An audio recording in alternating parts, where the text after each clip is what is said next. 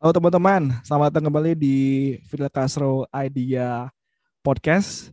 Yes, ini adalah um, program Deep Dive episode pertama. Kalau teman-teman um, dengar opening saya, bahwasannya di um, podcast ini akan ada dua program yang bakal saya coba sharing. Yang pertama adalah podcast review, di mana saya bakal review podcast yang saya dengarkan dan saya bakal share-share poin uh, poin-poin yang menurut saya menarik dari podcast tersebut yang bisa membantu teman-teman memahami uh, podcast tersebut sebelum maupun sesudah mendengarkan podcast aslinya. Di deep dive ini saya bakal uh, ngobrol dan interview dengan uh, tamu-tamu orang-orang yang mempunyai high individual performance di bidangnya masing-masing. Uh, terlepas dari karyawan, uh, owner, founder, mungkin nanti ada apa ya akademisi, penulis, penyanyi, atlet dan lain-lainnya yang yang punyai uh, performance bagus di bidang masing-masing. Ya seperti yang um, saya tuliskan di bio di uh, bio saya bahwasannya I'm a new podcaster. Jadi saya bukan orang terkenal yang bisa undang tamu-tamu yang belum bisa undang tamu-tamu ternama. Jadi saya mulai dulu dengan orang orang-orang yang saya kenal dan tamu saya kali ini adalah Indra Firdaus. Halo Indra. Halo. Halo, Ante Indra. Ini ya. nama yang teman-teman mungkin nggak dengar, tapi sebenarnya bukan itu poinnya. Poinnya kita uh, lebih kepada kontennya. Konten apa yang bisa kita sharing ke teman-teman semua yang bisa cocok uh, nilai-nilainya baik secara personal maupun secara profesional. Ini saya mau bacain dulu um, sedikit biodata dari Indra yang saya rangkum dari um, LinkedIn, Indra. Uh, Indra, nama panjangnya adalah Indra Firdaus. Uh, dia adalah seorang finance accounting tax with data science knowledge. Nah, ini nanti kita akan coba deep dive accounting tax, mm-hmm. tapi juga uh, ada pemahaman pengetahuan di data science yang juga bisa bahasa pemrograman Python. Nah, kita coba bakat, uh, kita akan coba deep dive di sini. Uh, dia mendapatkan gelar sarjana ekonominya di Universitas Riau dan melanjutkan studi masternya di Universitas Widya Tama uh, Bandung, Master of Management, jurusan Finance dan juga um, jurusan Finance Management, Indra, di Bandung. Iya, Finance Management. Dan dia di di accounting itu udah banyak karir yang udah udah, udah Indra uh, lakoni. Dia mulai karir sebagai asisten accounting, supervisor, chief accountant, finance accounting dan tax manager dan yang terakhir saat ini sebagai accounting manager di salah satu perusahaan grup perusahaan gas terbesar di Indonesia yang sekarang lagi bertugas di Batam. Lengkap ya, Indra? Lengkap, ya, mantap. Thank you udah udah udah luangin waktu uh, malamnya di ya di hari ini. Kita akan ngobrol-ngobrol. Ini menarik Indra. Ketika hmm. aku, aku ngeliat uh, um, hmm. headline-nya di LinkedIn accounting okay. tax tapi dengan data science knowledge. Nanti kita akan coba yes. deep dari di situ ya. Ya, tapi, boleh, boleh. Uh, sebelumnya sebelumnya mau mulai dulu dari dari kuliah ya. Ini okay, pertanyaan baik. yang sering Abang tanyain, yang aku tanyain. Hmm. Um, ada tipe-tipe banyak tipe-tipe orang yang ketika dia milih kuliah itu alasannya kenapa dia pilih itu kan. Ada yang mungkin okay. disuruh orang tua, ya kan. Okay. Ada yang yang apa? Yang pilihan kedua, pilihan ketiga. Okay. Ada yang mungkin juga eh, nggak uh, tahu mau pilih apa, cuma random pilih itu kata orang, gitu kan? Oke. Okay. Sedikit banget yang yang bilang, wah aku mau pilih accounting. Nah kalau Indra sendiri gimana ceritanya? Gimana bisa bisa ngambil accounting di sarjananya dan apa ceritanya? Oke, okay. baik mungkin awalnya dulu kalau bisa dibilang ya bang, accounting itu adalah uh, uh, gimana ya aku senang gitu belajar accounting hmm. jadi awalnya pertama kali belajar accounting itu karena sebenarnya terjebak juga jadi dulu jadi dulu kan disuruh milih nih IPA atau IPS hmm, hmm. nah aku milih IPS hmm. cuman waktu itu dulu orang tua nggak setuju hmm. anaknya masuk IPS gitu jadi jadi itu dilema dulu ya akhirnya orang tua coba sorry, sorry, sorry. dapat ya, alhamdulillah SMA-nya di mana SMA dulu SMA 12. Oh, 12 baru, oke. Okay. Nah, SMA 12 baru. Jadi awal-awal uh, orang tua coba nego masuk IPA nggak nggak bisa alhamdulillah masuk IPS Dan sejak itu mulai tertarik sama accounting. Nah, sorry, Karena dari, eh, dari, dari mana tuh? Maksudnya di di SMA juga belajar accounting gitu? SMA juga belajar Oh. accounting, Bang. Oke oke. oke. Jadi SMA itu belajar accounting di semester 2 kelas 2. Mm, mm, Nah, di situ pertama kali dikenalkan accounting. Mm. Dan di situ mulai merasa ya kalau kalau konsep Jepang bilangnya apa? Kaizen. Hmm, Kaizen. Nah, ya, ya. itu itu itu yang merasa kita ah, in- aku bakal hidup dengan ini gitu. Oh, sorry. Aku akan menghasilkan dengan ini gitu. Nah, Ikigai mungkin ya, Ikigai. oh iya ikigai ya konsepnya ya, Ya, ya ya, ikigai. Ya, ya. Nah, aku bakal hidup dengan ini gitu. Nah, ya, mulai dari SMA tuh mulai senang tuh ikut-ikut lomba accounting sampai terakhir puncaknya pernah dapat juara harapan satu accounting Oh iya. se-Riau Oke, uh, oke. Olimpiade. Terus coba yang ke Sumatera Mm, mm. sampai masuk sembilan besar itu. Mm, mm, Nah, sejak itu senang nih belajar accounting. mm. Ya udah merasa saya bakal hidup dengan ini gitu waktu itu.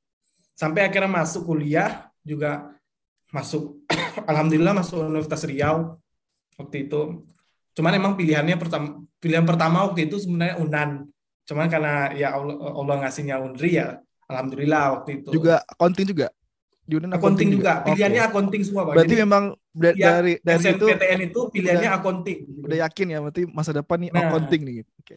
Ya, dari dulu udah yakin gitu. Cuman dreamnya itu eh, pilih accounting sebenarnya pengennya tuh eh, lebih ke audit dulu. Dreamnya begitu, pengennya ke audit. Tapi nggak pernah dapat chance nih, nggak nggak pernah dapat kesempatan untuk itu gitu. Mm, mm, mm. Nah, jadi akhirnya dapat dapat kesempatannya lebih ke accounting. Oke oke. Sebenarnya. Kurang lebih begitu sih. Dan Unri itu pilihan keberapa? Unri itu kalau di SMPTN itu pilihan kedua. Tapi kalau di. PBUD kan itu pilihan pertama. Lulusnya PBUD, Bang. Hmm, oke. SMPTN nggak lulus. Dan pas masuk kuliah di sana, pas udah kenal apa, udah ada pelajaran itu makin makin suka kah dengan dengan accounting? Makin suka. Mm-mm. Gimana tuh? Karena kebetulan aku juga senangnya itu di statistiknya sih, Bang. Oke. Statistik accounting itu kan jauh lebih simple gitu. Mm-mm. Dibanding kalau kita masuk IPA, statistiknya, uh, segala macam waduh. Cuman eh, senangnya itu di situ. Jadi mengolah angka, membuat ngasih advice ke orang, ada kebahagiaan tersendiri gitu. Mm.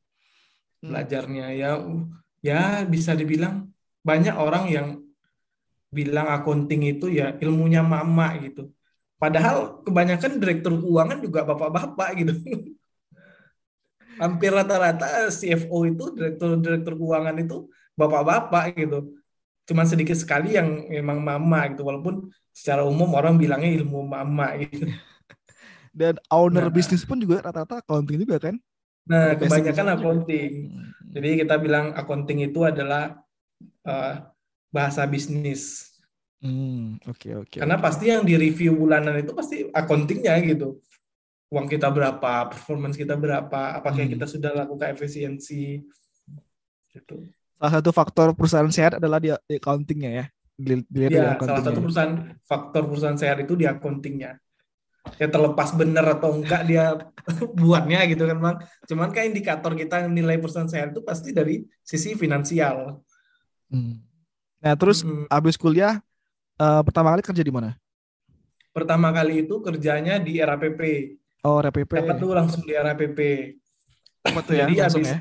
ah, habis selesai sidang yudisium langsung interview sebulan setelah itu langsung masuk itu di RAPP. Hmm, hmm. Nah di RAPP cuman cuma setahun nih bang di RAPP. Cuman waktu itu merasanya karena satu dapat penempatannya di fiber waktu itu ya. Hmm. Jadi di fiber habis itu jauh dari kota merasa waduh kalau gini terus nggak bakal berkembang nih. Di mana Jadi tuh? susah. Kota kota mana? Dapat itu di Peranap waktu itu. Oh di Pranap. Oh iya sih. Jadi bakal, waduh, aku bakal susah nih ikut ikut seminar, upgrade ilmu. Akhirnya nanti takutnya mandek di sini, du- mandek di sini-sini aja gitu Hmm, ilmunya. Nah, Ya akhirnya cuma bertahan waktu itu setahun. hmm. Terus Oke. sampai akhirnya bisa kerja di Jakarta ya pertama ya? Itu gimana Ya, ceritanya? Jakarta. Nah, awalnya di Bandung dulu tuh, Bang. Oh di Bandung dulu ya? Nah, habis itu loncat pindah ke Bandung waktu itu. Hmm. Bandung waktu itu eh, dapat opportunity sebagai chief accountant. Hmm. Nah, itu dari teman tuh. Hmm. Jadi hampir rata-rata eh, loncatan aku itu rekomendasi dari teman gitu. Jadi dia dia mau pindah, terus dia nyari orang siapa yang bisa gantiin aku. Nah, di kontaknya lah aku gitu. Dan di Bandung tuh ya, Chief Accountant itu ya. Di Bandung. Oke oke oke.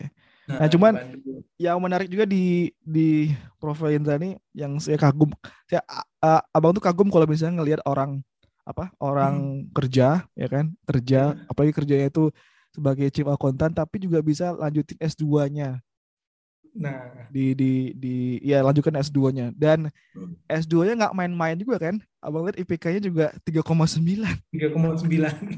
Dan abang juga di di tengah-tengah kuliah itu sempat kerja juga kan di Jakarta kan Nah, di tengah-tengah kuliah itu sempat kerja Bang di Jakarta. Itu- Setahun it- setahun sudah kuliah itu dapat opportunity di Jakarta. Nah, abang nggak nggak bahas tentang gimana capek ya pasti capek ya tapi iya bener.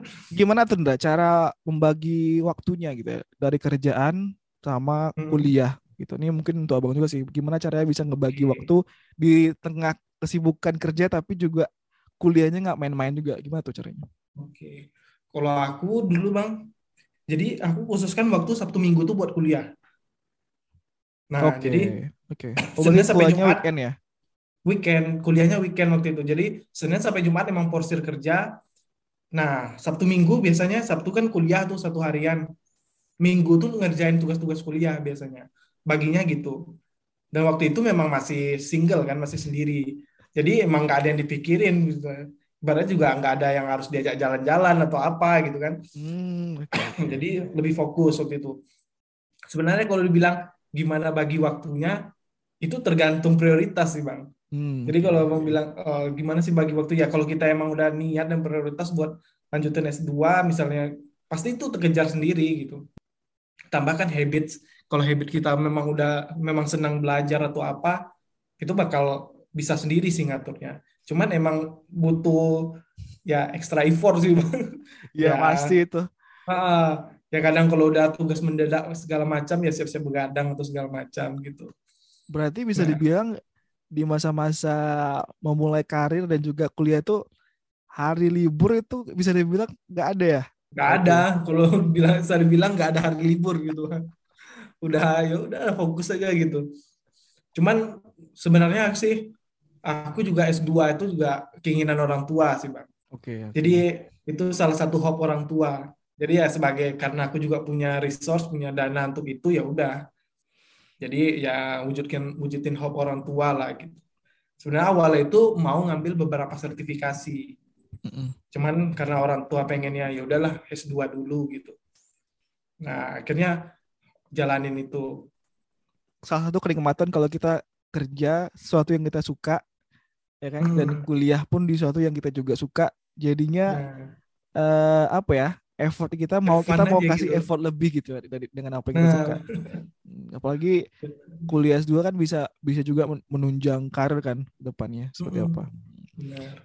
nah ini ini penonton-penonton kan ada pendengar-pendengar kan nih beragam Nindra mungkin ada yang Iya. mahasiswa ada yang bekerja Oke. ada yang di bidang lain gitu Eh, tugas seorang accounting itu apa sih Indra sebenarnya nanti mungkin teman siapa tahu teman-teman sini ada yang tertarik di accounting atau yang terinspirasi di Oke. accounting mungkin bisa sharing tugas accounting itu seperti apa? Secara sederhana sih tugas Ya. accounting itu lebih ke controlling jadi kontrol. Jadi apa pun yang berhubungan dengan ke uang gitu ya untuk beli inventory untuk beli apa yang menjaga tuh orang accounting. Makanya bisa dibilang rahasia terbanyak di suatu perusahaan itu biasa dipegang sama accounting dia tahu berapa hutang perusahaan dia tahu berapa gimana laba rugi suatu perusahaan gitu nah kurang lebih gambar sederhananya seperti itu. Jadi cuman banyak nih eh, kalau di beberapa company, kalau yang multinational company ya bang, biasanya dia accounting mereka pecah dua, pecah dua divisi besar. Yang pertama satu divisi operasional, yang kedua divisi statutory. Nah, biasanya kalau divisi statutory itu dia biasa menyesuaikan misalnya nih kantor perwakilan di Indonesia, dia ada kantor pusatnya di UK misal. Nah, kita nanti nyesuaiin tuh Bang aturan accounting di Indonesia sama aturan accounting di UK misalnya. Nah, kalau ada juga accounting operasional ya itu yang bilang tadi lebih ke uh, bagaimana sih kita bisa mengontrol uh, aset-aset perusahaan, bagaimana mengontrol hutang perusahaan dan lain-lain. Kurang lebih sih tugasnya accounting itu itu.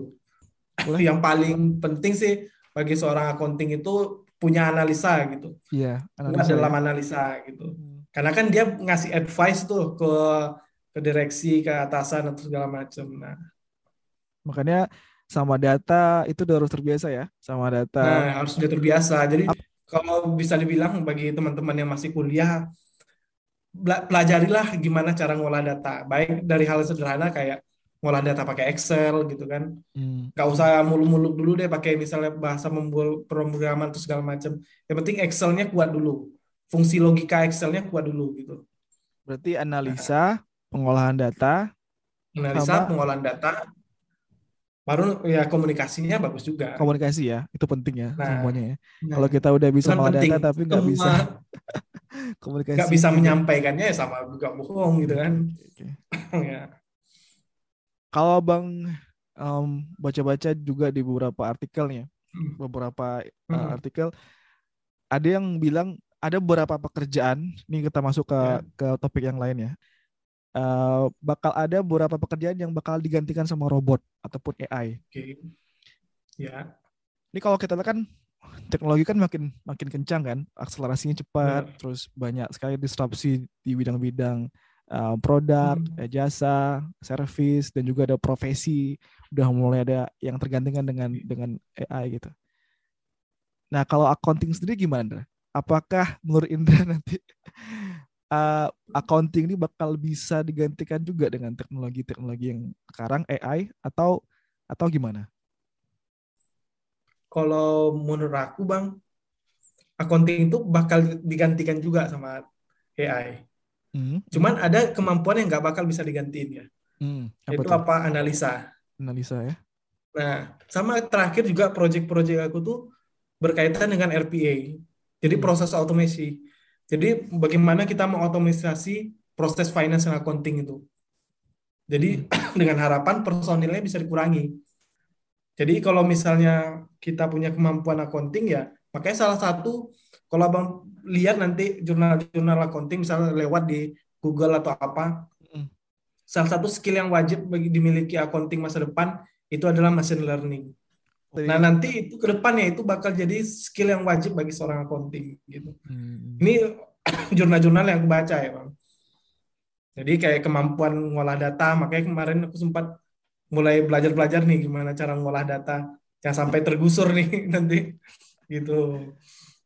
Dan memang kayaknya kita juga nggak bisa percaya sepenuhnya dengan dengan teknologi ya karena beresiko kan, beresiko kalau kita mem membiarkan semua misalnya risk assessment atau misalnya keputusan itu di AI itu bisa jadi ada errornya kan. Meskipun manusia juga ada errornya sih. Cuman uh, cuman di accounting ini lumayan ini ya berperan penting dalam sebuah perusahaan kan? Makanya sebenarnya ya. uh, memang yang abang baca juga memang beberapa tools itu ngebantu kita misalnya kayak misalnya data entry atau yang lain-lain itu kan itu mempersingkat waktu uh, pekerjaan accounting biar fokus kepada yang lain kan? Cuman untuk hal-hal yang besar tadi itu memang kayaknya memang masih masih dibutuhkan manusia ya. Cuman apa yang ngebuat nanti accounting accountant itu bisa bertahan nanti misalnya nanti ketika udah teknologi udah uh, tentang aplikasi accounting udah banyak apa yang bisa seorang accounting itu masih bisa uh, bertahan di pekerjaan ini Nah ini aku sharing dulu ya bang. Boleh. Di RAPP itu sebelum ditemukannya namanya ERP, jadi ERP itu namanya Enterprise Resource Planning. Jadi salah satu sistem yang terintegrasi di accounting gitu. Kita bilang ya tahun 2000-an mereka cerita di dalam satu site accounting itu bisa 10 orang. Jadi manual tuh bisa 10 orang. Hmm. Masuk komputer, masuk ERP, pelan-pelan accountingnya dikurangi. Oke, pelan-pelan accounting dikurangi. Sampai terakhir aku masuk, di sana cuman ada satu accounting. Dari 10 jadi tinggal satu. Dari 10 tinggal Nah. satu. Nah, dari 10 tinggal satu. Kalau kita runtut dia dari tahun 2000 sampai 2017. Dari 10 tinggal satu. Nah, apa yang membuat accounting itu bisa tetap eksis? Hmm. Hmm. yang pertama itu ya. ya, ya seorang akuntan ya kemampuan analisa gitu. Seperti yang aku sampaikan tadi, Bang. Gimana? Analisanya Nggak seperti apa? Ini, hanya reporting gitu. Analisanya misalnya, analisa misalnya gini, Bang. Misalnya kita mau melihat seberapa efisien kita melakukan aktivitas perusahaan misalnya. Kalau di pabrik itu ada namanya cost variance analysis. Oke. Itu data itu bisa di-provide di sistem, tapi ngebacanya itu nggak bisa di sistem. Hmm. Ngerti nggak ya? Jadi kan misalnya kita kita mau budget kan misalnya untuk produksi ini misalnya kita mau buat untuk eh, nanah apa produksi di perkebunan misalnya. Misalnya kita lihat nih, oh ternyata dalam dalam satu bulan pemakaian ini kita berlebih, pemakaian pupuk atau bibit kita berlebih. Nah, pertanyaan kenapanya itu kan udah terjawab pertama, pemakaian pupuk berlebih. Lalu kenapa lagi dia berlebih? Itu kan nggak bisa dibaca sistem lagi gitu. Hmm. Oke, oke. Nah, itu akan dianalisa langsung eh, oleh manusianya gitu. Kalau teknologi AI akan men- menampilkan analisa pertamanya itu. Misalnya pemakaian pupuk berlebih 50 gitu. Nah, itu bisa dibuat di sistem, Bang. Tapi kenapa dia berlebih lagi itu itu nggak bisa dibaca di sistem. Sampai saat ini ya aku tahu. Belum ada sistem bisa provide itu. Jadi kalau misalnya analisa eh, untuk angka-angka aja menampilkan suatu angka itu bisa. Hmm. SAP dari sistemnya yang namanya SAP itu bisa provide. Tapi habis itu melanjutkan pertanyaan kenapa bisa terjadi begitu, nah itu belum bisa dijawab sistem lagi. Dan keputusan apa yang diambil? Nah itu Nah, manusia ya. keputusan apa yang diambil, nah itu oh, tetap peran manusia kan gitu. Hmm, hmm, hmm, hmm, hmm. Nah, Tapi menurut Indah eh, perkiraannya kapan tuh Hmm. bakal terjadi tuh? Bakal apa? Bakal banyak pekerjaan akuntan yang bakal digantikan oleh robot itu kapan? Apakah sekarang udah mulai atau nanti masih ada eh, eranya nanti? kapannya sekarang sih udah mulai berangsur-angsur ini, Bang. Hmm, hmm. Jadi sekarang udah mulai berangsur-angsur akuntan itu dikurangi. Hmm. Mm-mm, dengan uh, mereka lebih invest ke sistem. Sistem Hmm. kan mahal itu emang. Hmm, hmm. Jadi orang lebih invest ke sistem. taruhlah Sampai misalnya terakhir, satu satu perusahaan, misalnya satu perusahaan mm, patokannya apa ya? Misalnya pat- patokannya revenue 100 miliar per tahun. mm, Nah, itu berapa orang tuh bakal accounting yang bakal dipekerjakan?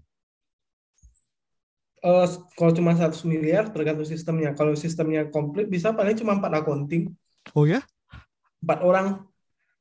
100 miliar itu masih bisa 4 orang. Kalau udah otomasi semua ya, Bang. Hmm, hmm, Jadi hmm. buat invoice-nya udah udah udah otomatis.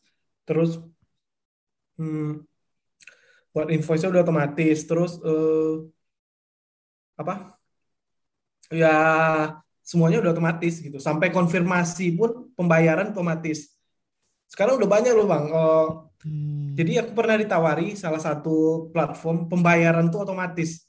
Udah bisa di-schedule kan. Jadi misalnya invoice ini masuk masuk setting tanggal segini tanggal segini tuh bisa. Jadi kan kita nggak perlu lagi orang gitu bang. Nggak perlu lagi orang untuk ngatur pembayaran itu kan. Udah ada itu sistemnya. Jadi tinggal saya mau setting bayar ini tanggal 20 nanti otomatis terdebit tanggal 20 misalnya. Udah ada yang nyiptain gitu. Jadi trennya itu lama-lama ya semuanya ke otomatis gitu. Dari soal- untuk 100 miliar itu cuma butuh empat orang ya. Empat orang. Ya Terakhir mungkin aku kalau pernah ada dapat kabar, Bang. Hmm, boleh. Ada salah satu perusahaan teknologi, dia cukup besar, bisa dibilang multinational company.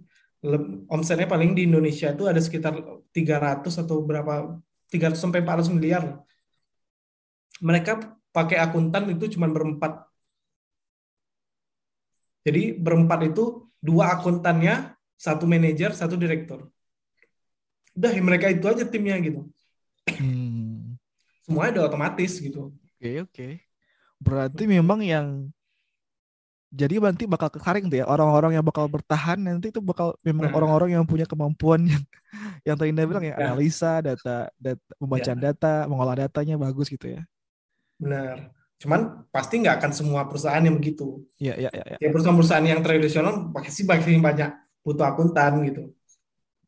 Cuman kalau kita mau memang berkembang, mau ya mau growth lah, mau berkembang atau apa, pasti ya kita harus eh, lebih ini ya adaptasi harus lebih kuat. Hmm. Cuman kalau mau tetap bertahan di perusahaan tradisional ya kemungkinan masih bakal terpakai gitu. 10 tahun lagi kalau perkiraan aku 10 tahun lagi juga masih kepakai. Oke oke oke. Karena Hmm. ada beberapa hal yang krusial yang itu harus masih dilakukan oleh manusia ya. Ya, masih Nah, harus dilakukan. Lanjut ke ke poin data science Nindra. Nah, tadi kan Indra udah, udah sempat bilang kalau ada jurnal yang ngerah ke sana. Hmm. Itu gimana tuh penjelasannya? Kenapa kenapa gitu seorang kok akuntan itu harus belajar Hmm. pemo- pemoga- pemo- pemrograman gitu, Python. Oke. Terakhir aku baca di salah satu ikatan profesi akuntan yang ada di UK. Hmm. Jadi namanya ACCA. Jadi dia nerbitin salah satu artikel yang mengatakan uh, machine learning salah satu skill yang harus dimiliki oleh seorang akuntan. Kenapa? Nah, nanti eranya adalah uh, prediksi dia kita akan masuk era big data gitu. Jadi membaca customer behavior, membaca bagaimana uh, grafik perusahaan apa grafik pertumbuhan perusahaan dan segala macam itu diharapkan orang-orang akuntan nanti, Bang. Oke. Nah, gimana membaca komputer analisis atau segala macam itu diharapkan orang-orang akuntan nantinya. Kalau sekarang kan masih dipegang orang-orang data science nih. Hal-hal yang begitu. Nanti ke depannya bakal mengkerucut orang-orang data science itu ke mengerucut juga bisa harus bisa skill-skill finance. Dan kalau abang lihat kayak di organisasi Gojek, sekarang Hmm. orang-orang finance itu bisa ini loh bang, bisa data science loh. Jadi salah satu departemen namanya itu VPNA, kalau panjangannya itu Financial Planning and Analysis. Jadi di sana itu salah satu kualifikasinya harus mengerti Python. Waduh, serius? Itu Gojek. Terus terakhir aku lihat eh, salah satu perusahaan telekomunikasi Excel Asiata Hmm. ada satu posisi yang dia tawarkan VPNA uh, lead. Jadi uh, lead untuk uh, departemen VPNA, dia juga netapin salah satu skill yang mandatori itu adalah Python. Nah, ke perusahaan-perusahaan teknologi udah mulai ngarah ke sana tuh. Perusahaan teknologi. Contoh contoh aplikasi data science dalam accounting itu kayak Hmm. gimana? Contoh aplikasi data science. Iya. dalam accounting. Misalnya itu eh, salah satunya mungkin ngolah data sih Bang. Gimana misalnya misalnya nih aku contohin. Kita mau lihat misalnya dalam satu vintage bagaimana kriteria orang-orang yang gagal bayar. Misalnya kita udah netapin kriteria orang yang kita harus kita setujui dalam vintage. Penghasilan segini, punya ini, dan kriteria segala macam. Nah, di- dengan sistem ini, dengan ini kita accounting bisa memprotek misalnya, oh jangan setujui dia ini berpotensi gagal bayar. Nah, dari data-data itu bisa jadi satu dasar gitu. Jadi untuk sekarang sih kenapa banyak vintage-vintage tuh eh, apa bermunculan salah satunya karena kemampuan data science itu bang. Jadi orang kalau ngolah data ribuan segala macam sekarang nggak nggak susah lagi gitu. Orang bisa cepat gitu. Jadi kriteria-kriteria orang yang gagal bayar segala macam itu bisa dapat dengan cepat misalnya kita pakai misalnya dengan bahasa pemrograman itu. Terus juga membuat grafik, menyajikan suatu data itu kan pasti kita perlu juga. Kan- Kadang kan orang tuh bang eh, membaca data kan pusing ya nengok tabel-tabel segala macam. Pasti dia lebih senang nengok yang ada visual atau apa gitu. Nah, senang kan kita kalau nengok visual langsung, oh iya ini ngerti gitu. Gitu sih. Berarti kualifikasinya untuk bisa stay di sebagai accounting ini nambah lagi ya, harus bisa um, asin, ma- machine Nambah lagi. learning ya, memahami uh, learning. Hmm. data data science. Nih pengalaman Indah nih. Kan ini orang accounting nih yang biasa, tapi logiknya sama sih harusnya ya. Berapa lama tuh? Hmm, Gimana Bapak pengalamannya mempelajari Python tuh seperti apa? berapa lama sampai sekarang aku masih belajar sih. Hmm. Cuma Tapi eh, susah nggak? secara Susah sederhana, oh nggak susah sih. Hmm. Eh, sebenarnya yang susah itu eh, menganalisis statistiknya, Pak. Hmm. Jadi sebenarnya Python itu harus kita lebih kuat di statistiknya. Jadi eh, kalau misalnya statistiknya kita lemah, ya susah juga. gitu. Python itu kan bisa ya memang kita bukan orang IT atau apa, sebenarnya coding-codingnya udah ada gitu. Tinggal baca manual booknya aja. Kalau kita mau lihat misalnya standar deviasinya berapa, standar errornya berapa kan bisa. Nah, gitu sih. Cuman gini Bang, terakhir aku aku kan di perusahaan gas sekarang nih. Nah, kalau di perusahaan gas ini untuk itu mereka masih belum terlalu update untuk misalnya penggunaan machine learning atau apa. Jadi masih masih agak konvensional lah gitu. Nah, Tapi tapi sebenarnya Python nggak nggak susah sih. nah, tapi semua nanti ngarah bakal ke sana ya. Karena kalau misalnya Semua bakal ngarah ke sana. karena memang patokannya sebenarnya perusahaan-perusahaan besar. Kalau perusahaan besar Nah, udah benar. udah mulai ke sana, nanti makin lama ke bawah tuh makin makin makin teraplikasikan yang sama. Ngikut gitu. Ngikut ya. Hmm, oke oke. Wah, menarik juga nih Abang juga baru tahu kalau misalnya itu itu kenapa beberapa bulan lalu Abang lihat Indra, wah, ini mempelajari Python nih. Aslinya bukan anak IT, bukan anak dari teknik tapi dari finance, accounting tapi belajar juga Python. Iya. Nih Cuman yang jago-jago Python itu banyaknya anak statistik loh, Bang. Iya ya, karena basicnya Bukan udah ada sebenarnya ya. banyaknya. Basicnya udah ada kan Iya, karena basicnya itu Hmm. hmm, basicnya itu banyak kan statistik gitu. Tinggal tinggal mengimplementasikan atau tinggal ditulis aja di coding gitu bahasa. Nah, tinggal Tapi tulisin coding gitu. tapi secara idea, secara pola pikir semua udah udah udah ada basicnya ya sebenarnya. Nggak ada basic. Hmm. Wah menarik. Indra, ini kayak eh, abang juga ngelihat Indra tuh aktif juga kan di di sosial media kan, Eh, Oke. terutama di LinkedIn. Kalau abang terutama abang memang pengguna LinkedIn banget tiap hari. Memang lebih banyak menggunakan LinkedIn daripada kayak Instagram, kayak yang Facebook yang lain itu lebih banyak LinkedIn karena keunggulannya lebih banyak, keuntungannya lebih banyak untuk ya untuk untuk profesional ya. Nah ini Iya, benar. banyak yang apa ya kalau menurut abang tuh banyak yang masih eh istilahnya itu belum dewasa menggunakan eh, sosial media gitu kan apalagi untuk zaman-zaman kita yang udah pakai sosial media ini lama kan udah beberapa, beberapa tahun lalu. Hmm. Em, kayaknya udah nggak zaman lagi kita posting sosial media itu untuk hal-hal yang yang galau yang lebay atau yang alay gitu kan. Cuman eh, menurut abang semakin kita dewasa menggunakan sosial media itu sebenarnya fungsinya pertama harusnya kita udah bisa ngebuat sosial media sebagai personal branding bentuk personal branding baik itu secara uh, profesional maupun secara personal.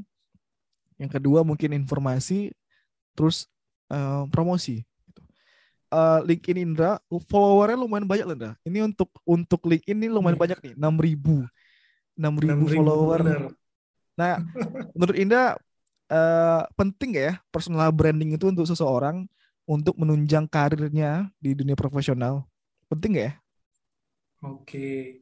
Personal branding. Kalau tanya penting atau enggak ya menurut aku penting sih, Bang. Hmm. Karena hampir semua job aku itu dapatnya dari LinkedIn gitu.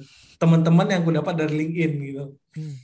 Jadi jadi dulu awalnya aku punya LinkedIn tuh, Bang, aku add tuh satu-satu direktur keuangan, direktur keuangan. Jadi aku aku liatin tuh satu-satu tuh. Jadi aku cari dengan keyword Chief Financial Officer. Oh, aku add satu-satu tuh. Add, add, add terus, add terus gitu sampai banyak. Jadi salah satu itu ya narik narik orang gitu kan supaya wah oh, ini orang berkualitas, ini orang apa. Nah, sampai terakhir tuh aku baru pindah ada yang masih nawarin aku, Bang mau nggak ke perusahaan kita? Gitu di LinkedIn tuh sampai terakhir. Karena kan aku cukup aktif update segala macam jadi kurang lebih orang tahu gitu. Ya walaupun secara kalau untuk expert kan masih banyak sih yang expert lainnya. Cuma secara ya kan tambah kita masih muda juga bang gitu. Orang kan pasti lebih wah lebih prefer nih yang muda yang lebih banyak punya ide segala macam gitu. Nah, kebanyakan sih orang, terutama di lingkungan aku sendiri ya sih bang, masih LinkedIn tuh masih awam gitu. Terus juga eh, mereka gunain sosial media ya uh, kadang buat ya buat ngeluh, kadang terus buat pamer gitu. Ya itu kan personal orang ya. Personal gitu. ya. Hmm. Cuman aku pribadi sih sendiri berusaha gunain sosial media itu sih seperti abang bilang, ya bangun brand gitu. Brand itu kan artinya kita mau dikenal orang sebagai apa gitu.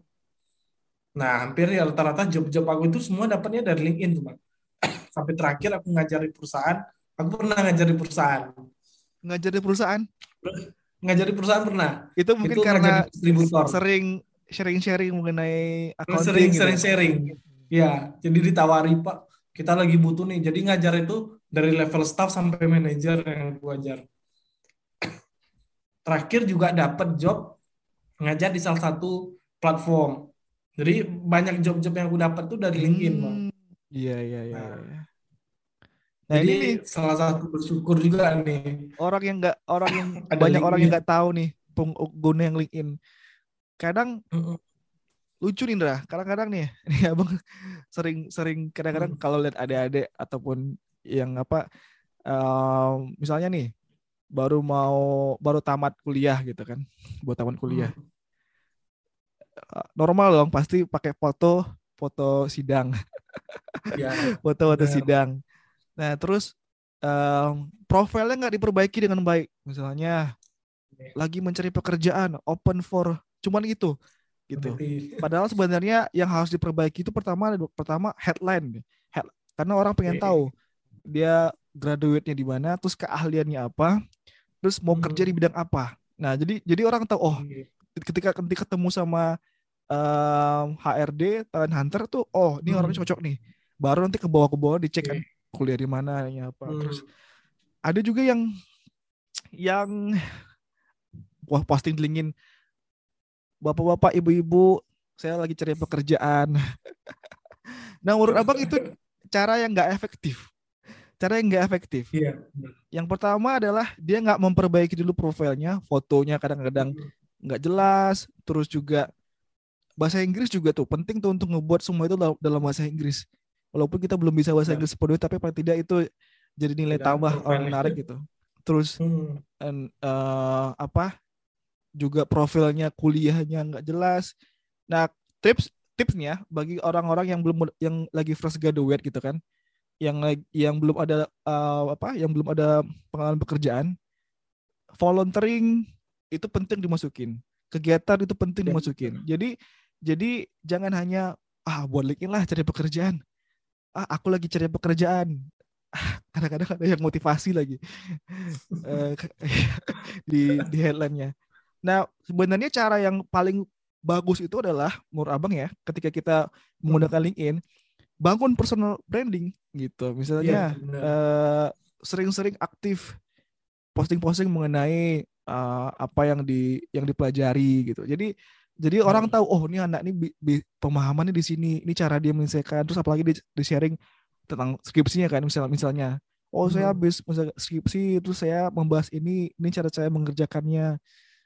Nah, terus cara yang tepat itu yang pertama, yang lanjutnya adalah ya tadi kayak Enda tadi, searching gitu, tinggal hmm. cari. Link itu paling enak Bener. cari chief of iya. accountant, product manager, project manager gitu kan. Tinggal uh, aja dia connect, terus nanti kalau di accept ya tanya, "Pak, hmm. saya mau bekerja di sini. Kira-kira apa ya yang harus saya persiapkan dalam dunia kerja ataupun skill apa yang harus saya gunakan dalam pekerjaan?" Gitu-gitu terus ketika ada connect ya terus terus bangun personal branding gitu kan posting hmm. terus apa yang yang yang keahlian jadi jadi nggak kita mencari pekerjaan ini uh, uh, ya, show ke orang. Show ke ya, orang. ini kita kalian ini. Ini daripada menunggu-nunggu itu itu kayak nggak efektif. Sorry nih abang agak, agak, agak banyak di sini. Karena yeah. memang memang abang terus terang memang pengguna LinkedIn dan dan ya itu kayak tadi banyak pekerjaan-pekerjaan itu didapatkan dari LinkedIn kan sebenarnya. Ya, kalau benar. kita pandai membangun personal branding, menjaga koneksi dan lain sebagainya. Berarti Indra uh, banyak kan di LinkedIn, di Instagram juga sering-sering sering tentang ini nggak ya? Tentang ya, ya? Hmm. Twitter nggak Twitter? Gimana? Twitter enggak. Cuman dulu sempat Twitter pernah pernah ikut ini deh. Dulu di, waktu aku kuliah itu ada ikut ini bang komunitas akuntan muda gitu. Jadi ada cool tweet. Dulu sering ikut cool tweet. Dulu kan bahasa bahasanya cool tweet tuh. Nah dulu sih sempat. ya nah. tapi ya itu dia bang masalah LinkedIn atau segala macam. Dulu aku juga baru-baru tamat kuliah, ya gitu approach orang gitu kan. Mm -mm. Terus ya approach terus misalnya kita connect tuh di accept-nya atau salam kenal sambil ya minta minta saran atau gimana ya. gitu. Nah, itu sambil harusnya, pendekatan gitu. Harusnya kayak gitu kan daripada ngebuat assalamualaikum warahmatullahi wabarakatuh. Saya ini lagi cari pekerjaan. Bahkan ada yang yang nggak ngomong apa-apa, cuma kasih CV aja. Oh. nggak ngomong-ngomong apa-apa, cuma kasih CV aja di di di postingan LinkedIn. Dan itu kayaknya dan juga kayak nggak banyak ya yang kasih apa uh, pemahaman tentang penggunaan LinkedIn dan itu abang terus terang juga sering ke adik-adik sering sharing itu gimana efektif cara pakai LinkedIn dari foto profile foto profile itu jangan yang jangan foto yang foto wisuda pakai foto yang tuh yang foto yang nampak nampakin senyumnya vibesnya gitu. Nampakin kalau kita tuh siap dunia kerja. Ini pakai hmm. kadang pakai kopi yang masih ya bukan bukan ini ya tapi ini beda. Ranahnya tuh lebih profesional gitu jadi harus tampak lebih profesional. Tapi kalau misalnya abang bilang gitu kan, beberapa kampus di Jawa mereka ini loh nge-training anak-anak mahasiswa terakhirnya menggunakan LinkedIn, membuat CV. Terakhir aku pernah cerita itu salah satu kampus di Jakarta Trisakti. Nah itu diajarin tuh bang, gimana bangun profile LinkedIn segala macam. Nah kita yang di daerah nih nih yang nggak dapat kayak gitu. Oh iya ya. Nah, bang perlu itu diajarin. Aku pernah sharing terakhir tuh. Gimana ngebuat CV, ada sesi khususnya tuh jadi mereka emang ngebuat itu gimana menggunakan LinkedIn. Uh, aku nggak tahu itu program dan himpunannya itu gimana, cuman sharing mereka ada diajarin. Dan abang pernah lihat satu nah. postingan yang menurut abang ini, uh, ini belum pernah dilakukan sama orang. Abang pernah lihat postingan hmm. orang uh, mahasiswa mahasiswa Malaysia hmm. daripada ngebuat oh saya lagi cari pekerjaan, dia ngebuat video, ya kan? Dia ngebuat video, terus dia ngomong bahasa pakai bahasa Inggris terus memperkenalkan dirinya apa yang apakah hmm. aliannya terus skripsinya seperti apa gimana cara dia ngebahasnya dari itu langsung karena beda kan beda daripada orang iya, biasa dan itu langsung banyak yang like dan link ini kan cuman ini ya link ini tuh cepat nyebarnya algoritmanya yeah, bagus yeah. gitu ketika kita nge-like itu nanti muncul di statusnya orang gitu jadi jadi semakin yeah. cepat uh, uh, dan ya tadi mungkin cara itu bisa dipakai ya dia dia ngebuat video sama pakai bahasa Inggris kenalkan dirinya hmm. apa kaliannya dan pekerjaan apa yang yang mau dia ambil gitu. Indra terakhir Indra ya. uh, okay. Kabar-kabar terbaru apa seputar uh, um, pajak sekarang? Karena juga juga ngurus ngurusin pajak ya. Ada kabar terbaru nggak ya dari dunia kabar-kabar terbaru seputar pajak. perpajakan? Sekarang lagi ini bang. Lagi heboh UU HPP itu. Nah, jadi ada perubahan mengenai tarif PPh 21. jadi yang yang punya penghasilan lebih dari 5 miliar kena tarif beda nih 35 persen.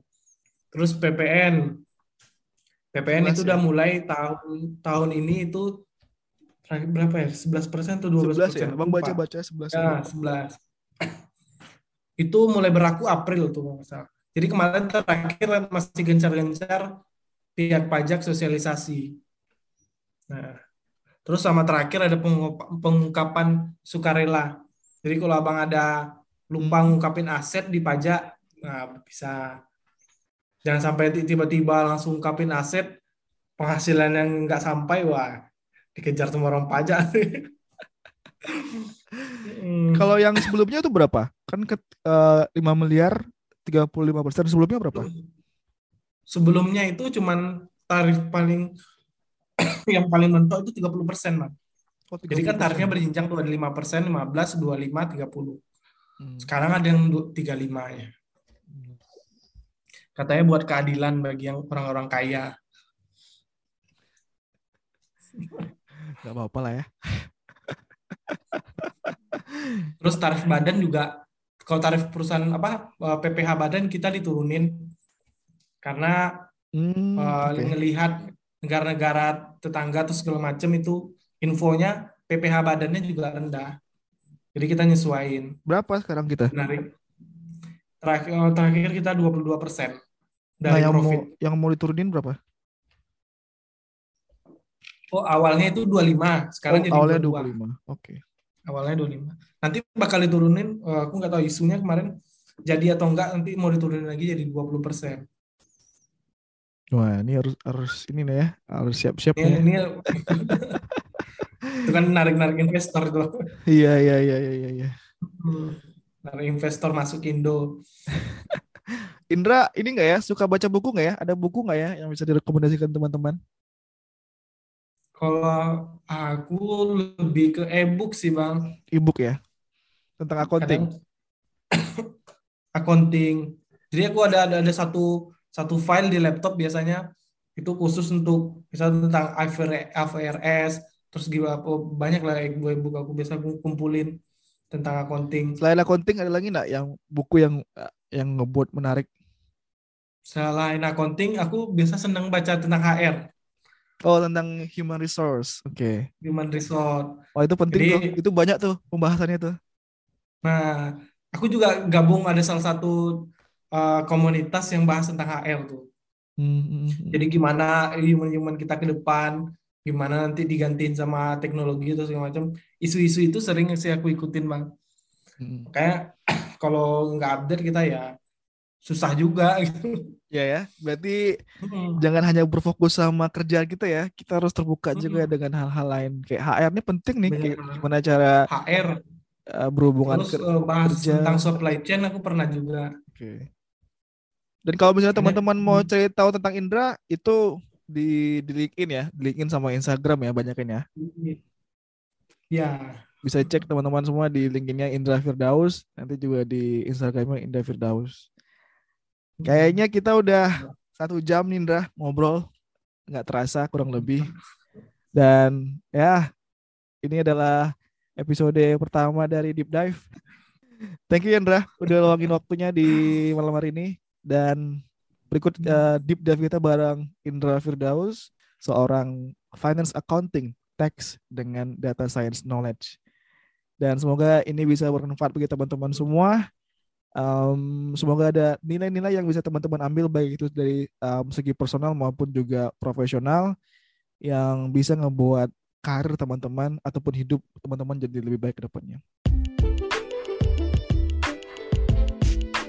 Halo teman-teman, thank you banget udah luangin waktu kalian untuk dengerin deep dive kali ini. Semoga informasi dan obrolan yang kita berikan bermanfaat untuk kalian semua, baik secara personal maupun profesional.